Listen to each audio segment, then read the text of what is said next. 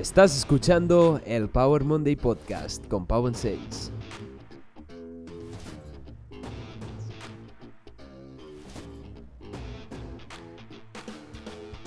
Bienvenidos a Power Monday Podcast, soy Pau, apasionado de fitness, nutrición y ciencia y por fin ya ha llegado el Power Monday Podcast, tu dosis semanal de motivación y conocimiento para empezar la semana con fuerzas, ganas y una gran sonrisa.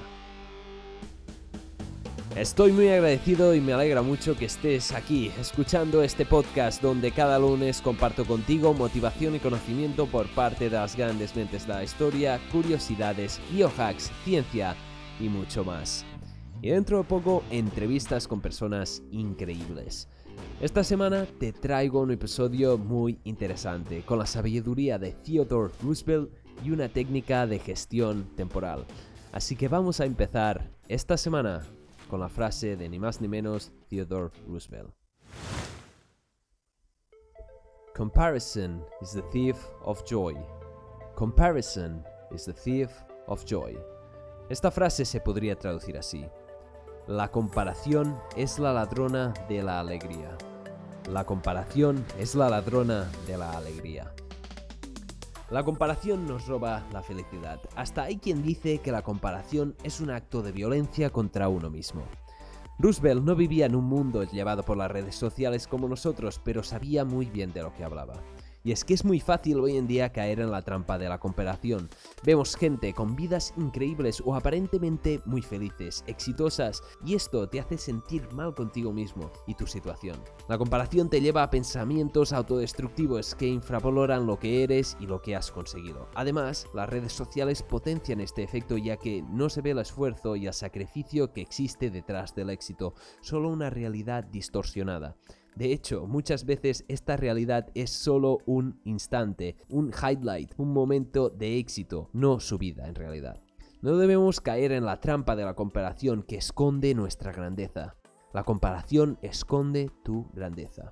Tú eres tú y tus circunstancias. Eres tú y tus circunstancias. Así que inspírate, aprende de otras personas, pero nunca para ser como ellas, nunca para tener lo que tienen, sino para mejorar como persona. Y ahora vamos a ver un poco la historia de Theodore Roosevelt. Roosevelt nació el 27 de octubre de 1858 en Nueva York. De pequeño fue un chaval débil, con asma severo. Eso no le permitía salir, ni a jugar, ni a ir al colegio, así que tuvo que recibir su educación desde casa. Al tener que quedarse en casa, empezó a leer, convirtiéndose en un devorador de libros y más adelante en un prolífico escritor. Su historia es fascinante. Pasó de ser ese niño débil con asma a convertirse en héroe de guerra, graduado en Harvard, historiador, ornitólogo, cowboy, jefe de policía y al final político, convirtiéndose en el vigésimo sexto presidente de los Estados Unidos de América. Hasta tiene una montaña donde esculpieron su cara, el monte Rushmore. Además, es considerado uno de los mejores presidentes americanos de la historia por los historiadores. Durante sus mandatos creó muchas leyes progresistas y ganó el Premio Nobel de la Paz en 1905 al mediar en la guerra ruso-japonesa, convirtiéndose en el primer americano en ganar un premio Nobel. Uno de los momentos más duros de su vida fue el día en que nació su hija, su primera hija, ya que su mujer murió al dar luz y aquel mismo día murió su madre, pero él salió adelante. Descrito como el presidente más intrépido de Estados Unidos, realizó safaris en África, Europa y Sudamérica. Participó como general en distintas guerras incluso tras su mandato y exploró los ríos de Sudamérica donde contrajo malaria. Y ahora te voy a contar una historia, una anécdota de Theodore Roosevelt que no tiene nada que ver con la frase de esta semana, pero creo que es muy impactante y me gustaría compartirla contigo.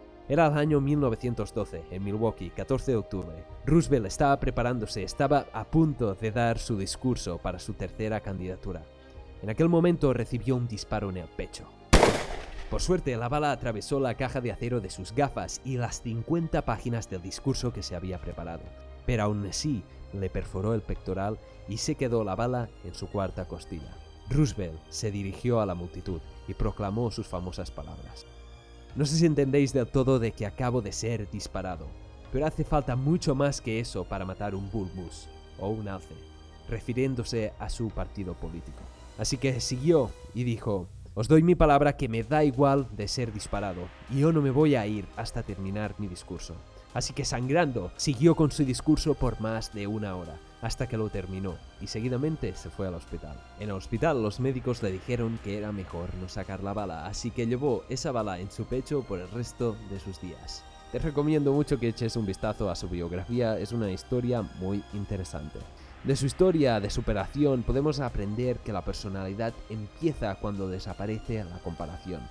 De un niño inseguro y débil, con asma, hasta presidente de los Estados Unidos y muchas otras aventuras. Inspírate, admira, aprende, pero nunca te compares. Sé una persona única, sé una persona memorable, sé orgullosa, sé segura, sé quién eres tú y vive tu historia al máximo. Y es que no hace falta que te compares con nadie más, tú ya eres increíble. Solo por el hecho de estar vivo en este momento, en este presente, eres increíble. La única persona con la que deberías compararte es contigo mismo, para buscar la excelencia, para buscar la mejora, pero nunca con los otros. Y ahora vamos a por el Power Curiosity de esta semana. El Power Curiosity de esta semana es una técnica de gestión de tiempo o de estudio conocida como la técnica de Pomodoro. Primero de todo, debemos entender que el tiempo es limitado. El día dura 24 horas y eso nunca va a cambiar. Por mucho que lo desees con todas tus fuerzas, el tiempo que tienes va a ser siempre el mismo y por eso tienes que aprender a gestionarlo. Todos tenemos las mismas 24 horas. Yo no conozco a nadie que tenga 25 o nadie que tenga 18. En realidad el tiempo no se gestiona, el tiempo fluye. Lo que debemos gestionar es lo que hacemos en el tiempo, en función de nuestras prioridades. La verdad es que nunca nos han enseñado a gestionar el tiempo y hay gente que parece que saca más partido a las mismas 24 horas que los demás. Hay gente que es más eficiente. Por eso hoy te traigo una herramienta muy útil para gestionar el tiempo. El Pomodoro Timer es una herramienta de gestión o organización temporal en la que se trabajan por 25 minutos, es decir, se realizan 25 minutos de concentración sin distracción y se descansan 5. Por lo tanto, son 5 minutos dedicados a la distracción.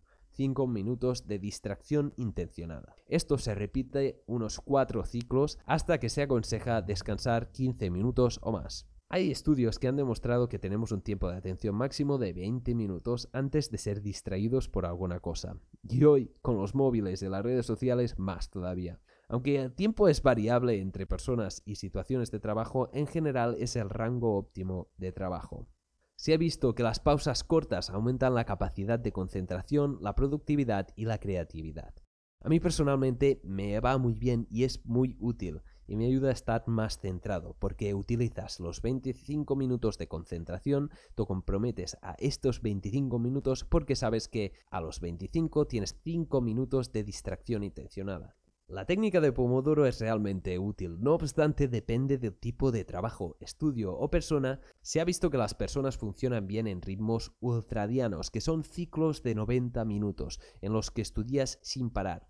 En estos ciclos normalmente se llega a lo que se conoce como un flow state, pero después de este trabajo de 90 minutos se debería descansar media hora o más. Lo que no se aconseja es estudiar tres horas seguidas porque no es efectivo. A mí personalmente me parecen muy útiles estas herramientas de tiempo, sobre todo porque cuando le doy al play a estos cronómetros me comprometo a seguir hasta que termine y casi siempre funciona. Utilizando estas herramientas tú decides cuándo vas a distraerte, cuándo va a aparecer la distracción. Te dejo los enlaces para los dos temporizadores o timers, uno para el pomodoro y la otra para los ritmos ultradianos para ver si llegas a ese estado de flow o flow state. Pruébalos los dos a ver cuál te va mejor a ti para estudiar, para concentrarte o para hacer trabajo. En realidad, estas dos técnicas son muy útiles si se utilizan adecuadamente, pero si quieres ir más allá y quieres cambiar la relación que tienes con tu gestión temporal, te dejo una conferencia por parte de Sergio Fernández del Instituto de Pensamiento Positivo que es increíble, donde trata todos los temas de gestión temporal y cómo optimizarlos, pero sobre todo para entender tu relación con el tiempo. Y esto es todo por el Power Curiosity de esta semana.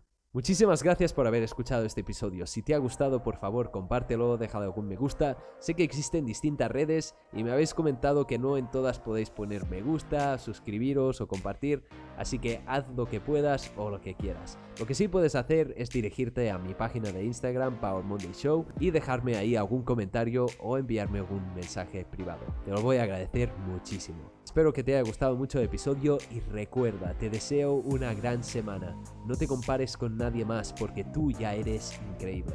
Nos vemos en el próximo episodio.